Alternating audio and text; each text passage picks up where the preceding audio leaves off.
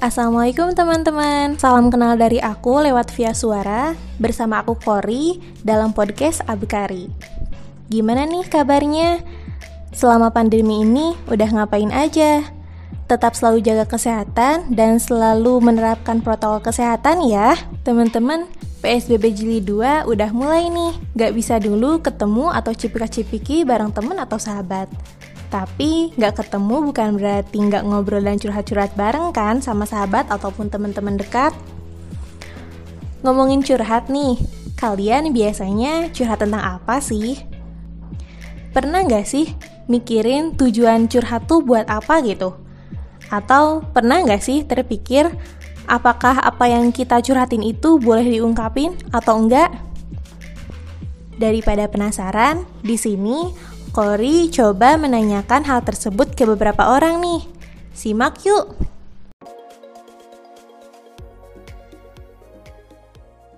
Halo Kak, selamat siang. Oh, hai. Halo, selamat siang. Selamat siang. Halo, selamat siang. Kakak kesibukannya apa nih sekarang?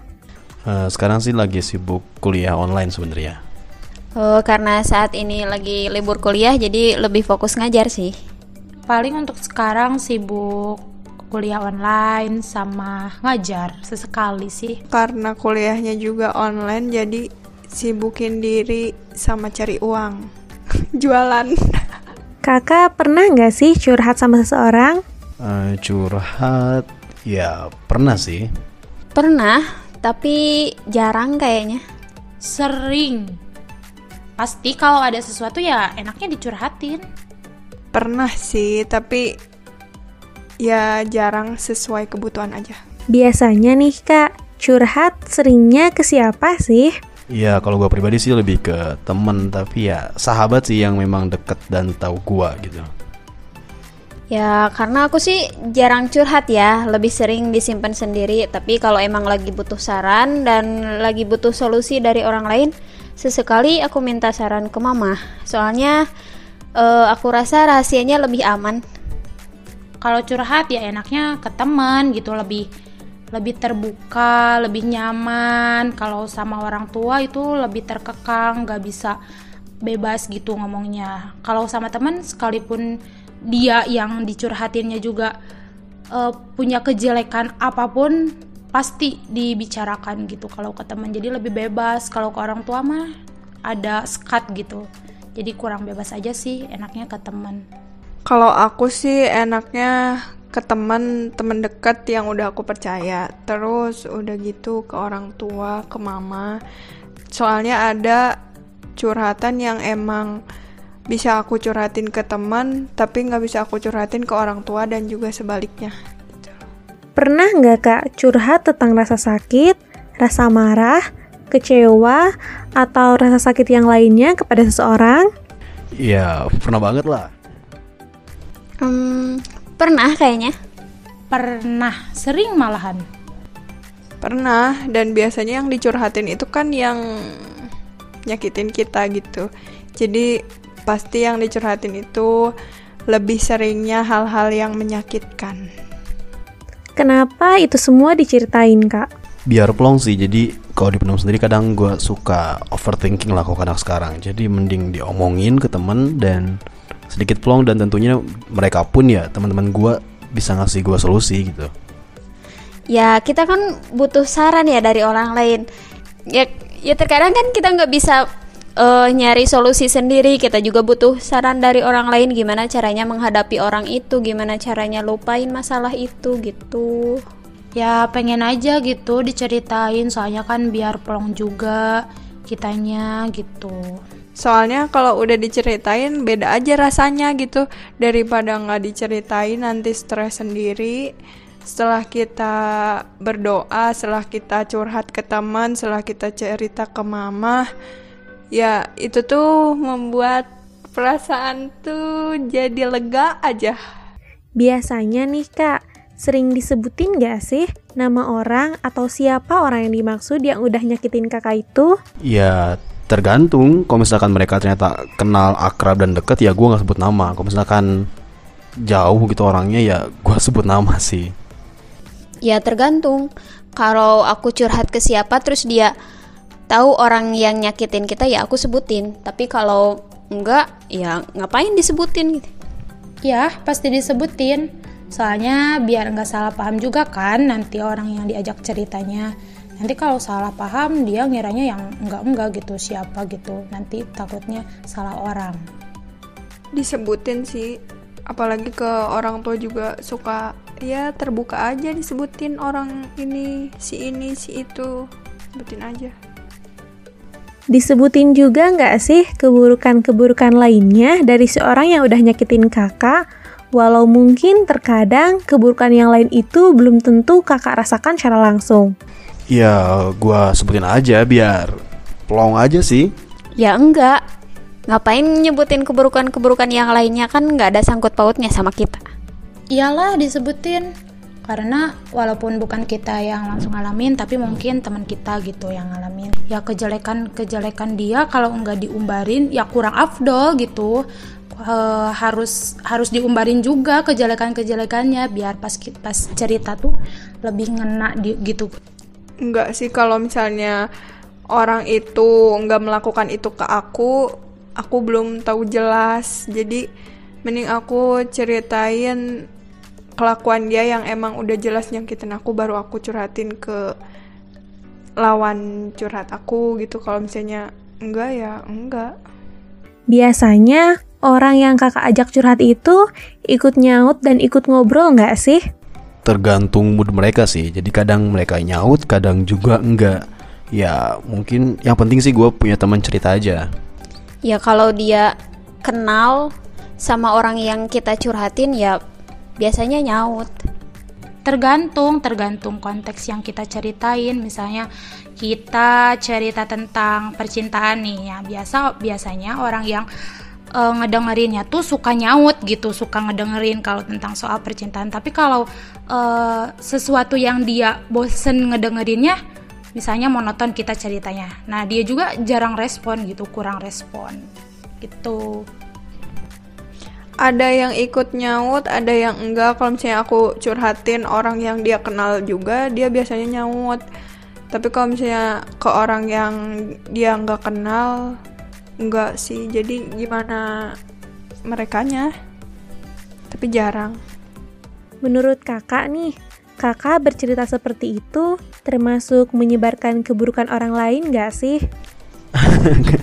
Kalau masalah itu sih ya nyebarin keburukan lah. Tapi ya sadar gak sadar sebenarnya. Eh gimana ya? Menyebar tujuannya bukan menyebarkan keburukan orang lain kan kita cuma mencurahkan isi hati kita kalau kita disakiti sama orang itu.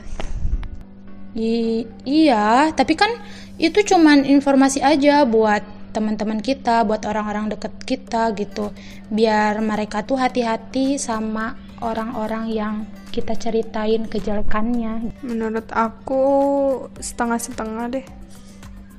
Menurut kakak, perilaku kakak tadi termasuk gibah atau tidak? Hmm, gibah. Ya masuk sih. Eh mungkin gibah. Hmm, ya gibah sih. Tapi kan kita niatnya nggak gibah, cuman mau bercerita aja. Menurut aku mungkin secara tidak sadar itu tuh gibah mungkin itu. Tapi eh kalau niat akunya nggak yang sengaja ngumbar-ngumbar keburukan dia, sengaja dicurhatin ke orang lain, disebut-sebutin keburukan dia yang lebih banyak gitu. Enggak sih kalau itu jadi mm, mungkin itu gibah yang ringan mungkin. Bukankah kita tidak boleh menyebarkan keburukan orang lain ya kak? Waduh, berat nih. ya masuk sih. Tapi ya ngalir aja jadi dosa gak kerasa kayaknya ini tuh. Iya, nggak boleh. Tapi kan tadi tujuan saya bukan menyebarkan keburukan orang lain. Hmm, iya sih. Ya, tapi gimana? Udah biasa. Iya emang. Cuman kan aku ceritain ya berarti dia ada hubungan sama aku. Berarti ya gak apa-apa mungkin. Nah, buat lebih jelasnya, kita simak dulu yang ini ya. Oke, tadi kita dengerin deh teman-teman kita nih yang perihal gibah, perihal curhat yang ternyata banyak banget beragam ya. Mungkin mereka tuh bisa disebut juga mewakili dari yang lainnya kali ya. Nah, kemudian apa sih gibah itu? Nah, kita kupas ya berdasarkan Islam gitu, berdasarkan ajaran Islam. Dari Abu Hurairah radhiyallahu anhu, Rasulullah SAW pernah bersabda, Tahukah engkau apa itu gibah? Mereka menjawab, Allah dan Rasulnya yang lebih tahu. Ia berkata, engkau menyebutkan kejelekan saudaramu yang ia tidak suka untuk didengarkan orang lain. Beliau ditanya, bagaimana jika disebutkan sesuai kenyataan? Jawab Nabi, jika sesuai kenyataan, berarti engkau telah menggibahnya. Namun, jika tidak sesuai, berarti engkau telah memfitnahnya. Hadis riwayat Muslim. Gibah atau menggunjing ini termasuk dosa besar ya. Namun ya sedikit yang mau menyadari hal ini, padahal sering kali kita melakukan dosa ini tanpa sadar ternyata.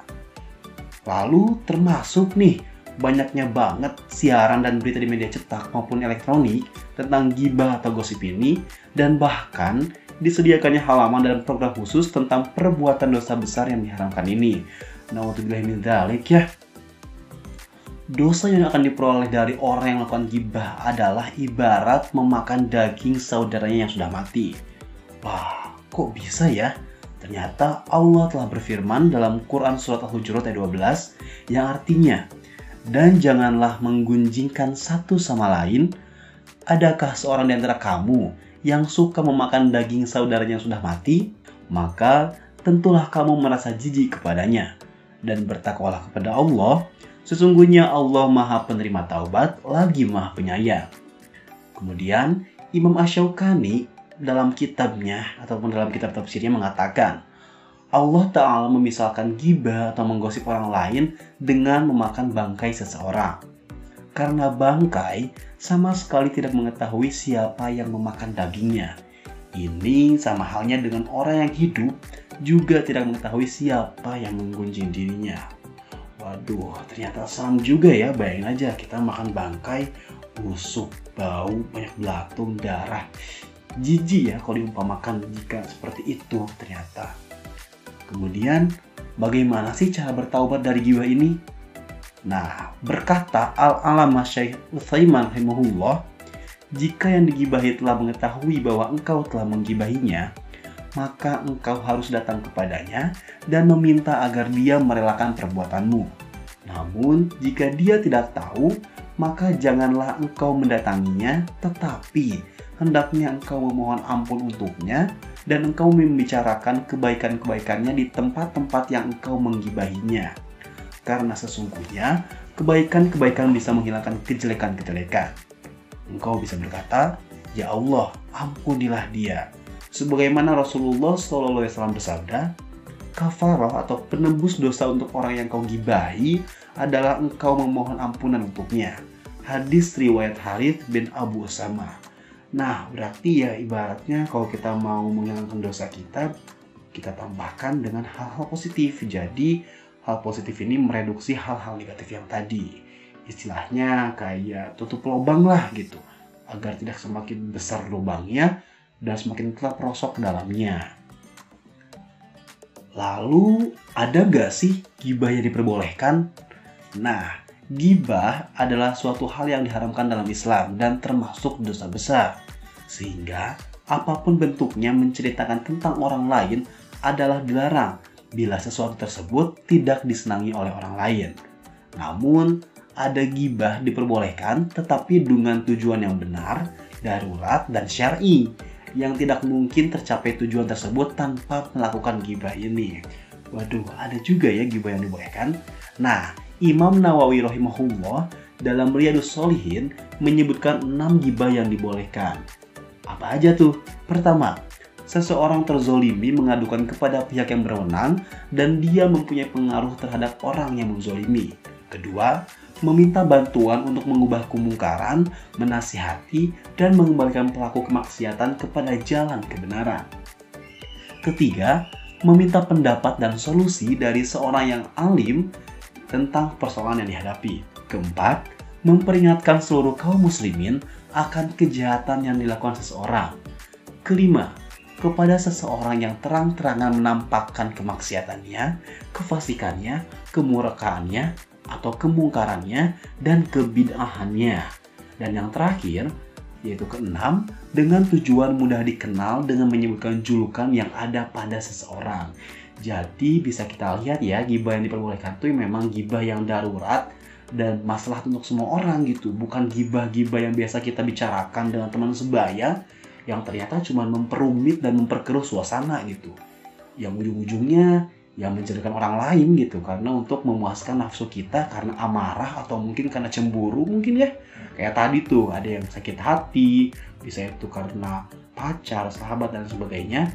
Karena sakit hati ya udah dia ditumpahin tuh dalam pergibahan gitu. Biar katanya sih biar plong tapi sadar gak sih? Ternyata kita tuh kayak menggibah itu bikin kita overthinking sesuatu yang gak penting gitu loh.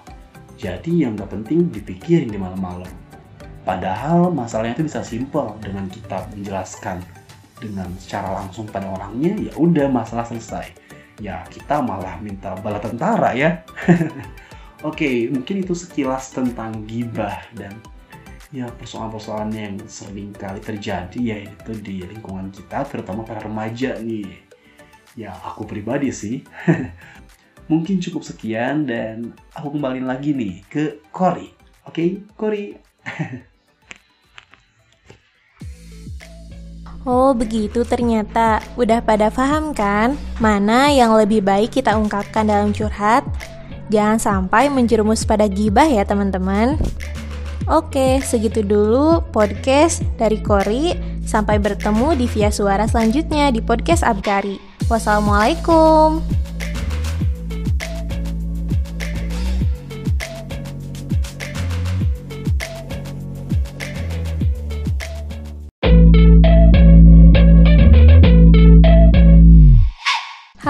Assalamualaikum teman-teman Salam kenal dari aku lewat via suara Bersama aku Kori dalam podcast Abkari Gimana nih kabarnya? Selama pandemi ini udah ngapain aja? tetap selalu jaga kesehatan dan selalu menerapkan protokol kesehatan ya. Teman-teman, PSBB Jili 2 udah mulai nih. Gak bisa dulu ketemu atau cipika-cipiki bareng temen atau sahabat. Tapi gak ketemu bukan berarti gak ngobrol dan curhat-curhat bareng kan sama sahabat ataupun teman-teman dekat. Ngomongin curhat nih, kalian biasanya curhat tentang apa sih? Pernah gak sih mikirin tujuan curhat tuh buat apa gitu? Atau pernah nggak sih terpikir apakah apa yang kita curhatin itu boleh diungkapin atau enggak? Daripada penasaran, di sini Kori coba menanyakan hal tersebut ke beberapa orang nih. Simak yuk!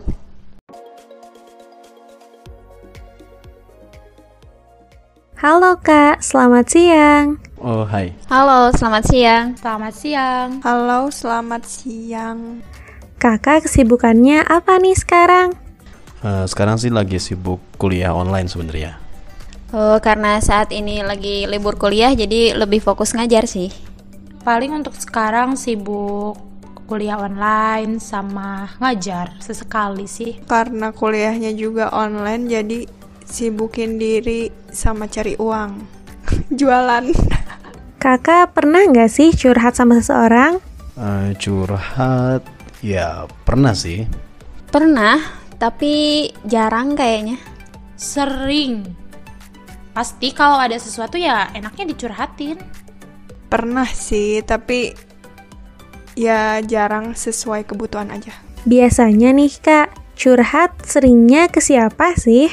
Ya kalau gue pribadi sih lebih ke temen Tapi ya sahabat sih yang memang deket dan tahu gue gitu Ya, karena aku sih jarang curhat ya, lebih sering disimpan sendiri. Tapi kalau emang lagi butuh saran dan lagi butuh solusi dari orang lain, sesekali aku minta saran ke mama. Soalnya uh, aku rasa rahasianya lebih aman. Kalau curhat ya enaknya ke teman gitu, lebih lebih terbuka, lebih nyaman. Kalau sama orang tua itu lebih terkekang, gak bisa bebas gitu ngomongnya. Kalau sama teman sekalipun dia yang dicurhatinnya juga uh, punya kejelekan apa pun pasti dibicarakan gitu kalau ke teman jadi lebih bebas kalau ke orang tua mah ada sekat gitu jadi kurang bebas aja sih enaknya ke teman Kalau aku sih enaknya ke teman teman dekat yang udah aku percaya. Terus udah gitu ke orang tua, ke mama. Soalnya ada curhatan yang emang bisa aku curhatin ke teman, tapi nggak bisa aku curhatin ke orang tua dan juga sebaliknya. Pernah nggak kak curhat tentang rasa sakit, rasa marah, kecewa, atau rasa sakit yang lainnya kepada seseorang? Ya pernah banget lah. Hmm, pernah kayaknya. pernah sering malahan Pernah, dan biasanya yang dicurhatin itu kan yang nyakitin kita gitu. Jadi pasti yang dicurhatin itu lebih seringnya hal-hal yang menyakitkan. Kenapa itu semua diceritain kak? Biar plong sih, jadi kalau dipendam sendiri kadang gue suka overthinking lah kok kadang sekarang. Jadi mending diomongin ke temen dan sedikit plong dan tentunya mereka pun ya teman-teman gue bisa ngasih gue solusi gitu. Ya kita kan butuh saran ya dari orang lain. Ya, ya terkadang kan kita nggak bisa eh, nyari solusi sendiri. Kita juga butuh saran dari orang lain gimana caranya menghadapi orang itu, gimana caranya lupain masalah itu gitu. Ya pengen aja gitu diceritain soalnya kan biar plong juga kitanya gitu Soalnya kalau udah diceritain beda aja rasanya gitu daripada nggak diceritain nanti stres sendiri. Setelah kita berdoa, setelah kita curhat ke teman, setelah kita cerita ke mama, ya itu tuh membuat perasaan tuh jadi lega aja. Biasanya nih kak, sering disebutin gak sih nama orang atau siapa orang yang dimaksud yang udah nyakitin kakak itu? Ya tergantung. Kalau misalkan mereka ternyata kenal akrab dan deket ya gue nggak sebut nama. Kalau misalkan jauh gitu orangnya ya gue sebut nama sih. Ya tergantung. Kalau aku curhat ke siapa terus dia tahu orang yang nyakitin kita ya aku sebutin. Tapi kalau enggak ya ngapain disebutin gitu. ya pasti disebutin soalnya biar nggak salah paham juga kan nanti orang yang diajak ceritanya nanti kalau salah paham dia ngiranya yang enggak enggak gitu siapa gitu nanti takutnya salah orang Disebutin sih, apalagi ke orang tua juga suka ya terbuka aja disebutin orang ini, si ini, si itu. Sebutin aja. Disebutin juga nggak sih keburukan-keburukan lainnya dari seorang yang udah nyakitin kakak, walau mungkin terkadang keburukan yang lain itu belum tentu kakak rasakan secara langsung. Ya gue sebutin aja biar plong aja sih. Ya enggak. Ngapain nyebutin keburukan-keburukan yang lainnya kan nggak ada sangkut pautnya sama kita. iyalah disebutin karena walaupun bukan kita yang langsung ngalamin tapi mungkin teman kita gitu yang ngalamin ya kejelekan kejelekan dia kalau nggak diumbarin ya kurang afdol gitu Eh, harus harus diumbarin juga kejelekan kejelekannya biar pas pas cerita tuh lebih ngena di, gitu Enggak sih kalau misalnya orang itu nggak melakukan itu ke aku, aku belum tahu jelas. Jadi mending aku ceritain kelakuan dia yang emang udah jelas nyakitin aku baru aku curhatin ke lawan curhat aku gitu. Kalau misalnya enggak ya enggak. Biasanya orang yang kakak ajak curhat itu ikut nyaut dan ikut ngobrol nggak sih? Tergantung mood mereka sih. Jadi kadang mereka nyaut, kadang juga enggak. Ya mungkin yang penting sih gue punya teman cerita aja. Ya kalau dia kenal sama orang yang kita curhatin ya biasanya nyaut. tergantung tergantung konteks yang kita ceritain misalnya kita cerita tentang percintaan nih ya biasa biasanya orang yang eh, ngedengerinnya tuh suka nyaut gitu suka ngedengerin kalau tentang soal percintaan tapi kalau eh, sesuatu yang dia bosen ngedengerinnya misalnya monoton kita ceritanya nah dia juga jarang respon gitu kurang respon gitu Ada yang ikut nyaut, ada yang enggak. Kalau misalnya aku curhatin orang yang dia kenal juga, dia biasanya nyaut. Tapi kalau misalnya ke orang yang dia nggak kenal, enggak sih. Jadi gimana merekanya? Tapi jarang. Menurut kakak nih, kakak bercerita seperti itu termasuk menyebarkan keburukan orang lain gak sih? Kalau masalah itu sih ya nyebarin keburukan lah. Tapi ya sadar gak sadar sebenarnya. Eh uh, gimana ya? Menyebar tujuannya bukan menyebarkan keburukan orang lain kan kita cuma mencurahkan isi hati kita kalau kita disakiti sama orang itu. I iya, tapi kan itu cuman informasi aja buat teman-teman kita, buat orang-orang deket kita gitu. Biar mereka tuh hati-hati sama orang-orang yang kita ceritain kejelekannya. Menurut aku setengah-setengah deh. Menurut kakak, perilaku kakak tadi termasuk gibah atau tidak? Hmm, gibah. Ya, masuk sih. Uh, mungkin gibah. Hmm, ya gibah sih. Tapi kan kita niatnya nggak gibah, cuman mau bercerita aja. Menurut aku mungkin secara tidak sadar itu tuh gibah mungkin itu. Tapi uh, kalau niat akunya nggak yang sengaja ngumbar-ngumbar keburukan dia, sengaja dicurhatin ke orang lain, disebut-sebutin keburukan dia yang lebih banyak gitu. Enggak sih kalau itu. Jadi mm, mungkin itu gibah yang ringan mungkin. Bukankah kita tidak boleh menyebarkan keburukan orang lain ya kak? Waduh berat nih. Ya masuk sih. Tapi ya ngalir aja jadi dosa gak kerasa kayaknya ini tuh iya nggak boleh tapi kan tadi tujuan saya bukan menyebarkan keburukan orang lain. Hmm, iya sih. Ya, tapi gimana? Udah biasa. Iya, emang. Cuman kan aku ceritain ya berarti dia ada hubungan sama aku. Berarti ya gak apa-apa mungkin. Nah, buat lebih jelasnya, kita simak dulu yang ini ya. Oke, tadi kita dengerin deh teman-teman kita nih yang perihal gibah, perihal curhat yang ternyata banyak banget beragam ya. Mungkin mereka tuh bisa disebut juga mewakili dari yang lainnya kali ya. Nah, kemudian apa sih gibah itu? Nah, kita kupas ya berdasarkan Islam gitu, berdasarkan ajaran Islam. Dari Abu Hurairah radhiyallahu anhu, Rasulullah SAW pernah bersabda, Tahukah engkau apa itu gibah? Mereka menjawab, Allah dan Rasulnya yang lebih tahu. Ia berkata, engkau menyebutkan kejelekan saudaramu yang ia tidak suka untuk didengarkan orang lain. Beliau ditanya, bagaimana jika disebutkan sesuai kenyataan?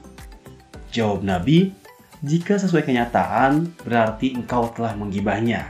Namun, jika tidak sesuai berarti engkau telah memfitnahnya. Hadis riwayat Muslim. Gibah atau menggunjing ini termasuk dosa besar ya, namun ya sedikit yang mau menyadari hal ini padahal sering kali kita melakukan dosa ini tanpa sadar ternyata.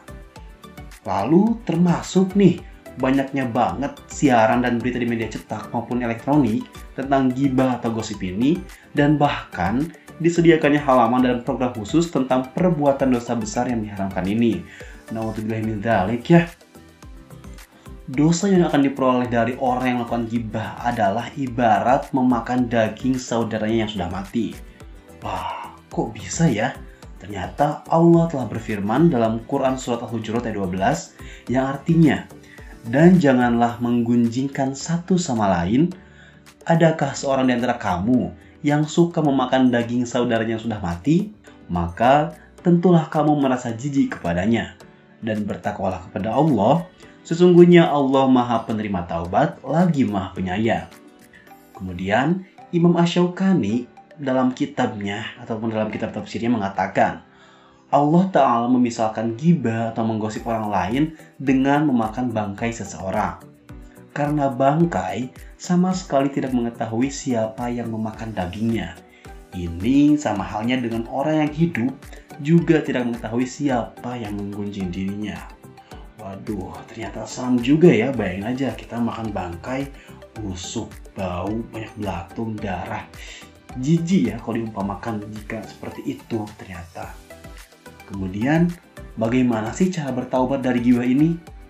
Nah, berkata Al-Alama Syekh Utsaiman rahimahullah, jika yang digibahi telah mengetahui bahwa engkau telah menggibahinya, maka engkau harus datang kepadanya dan meminta agar dia merelakan perbuatanmu.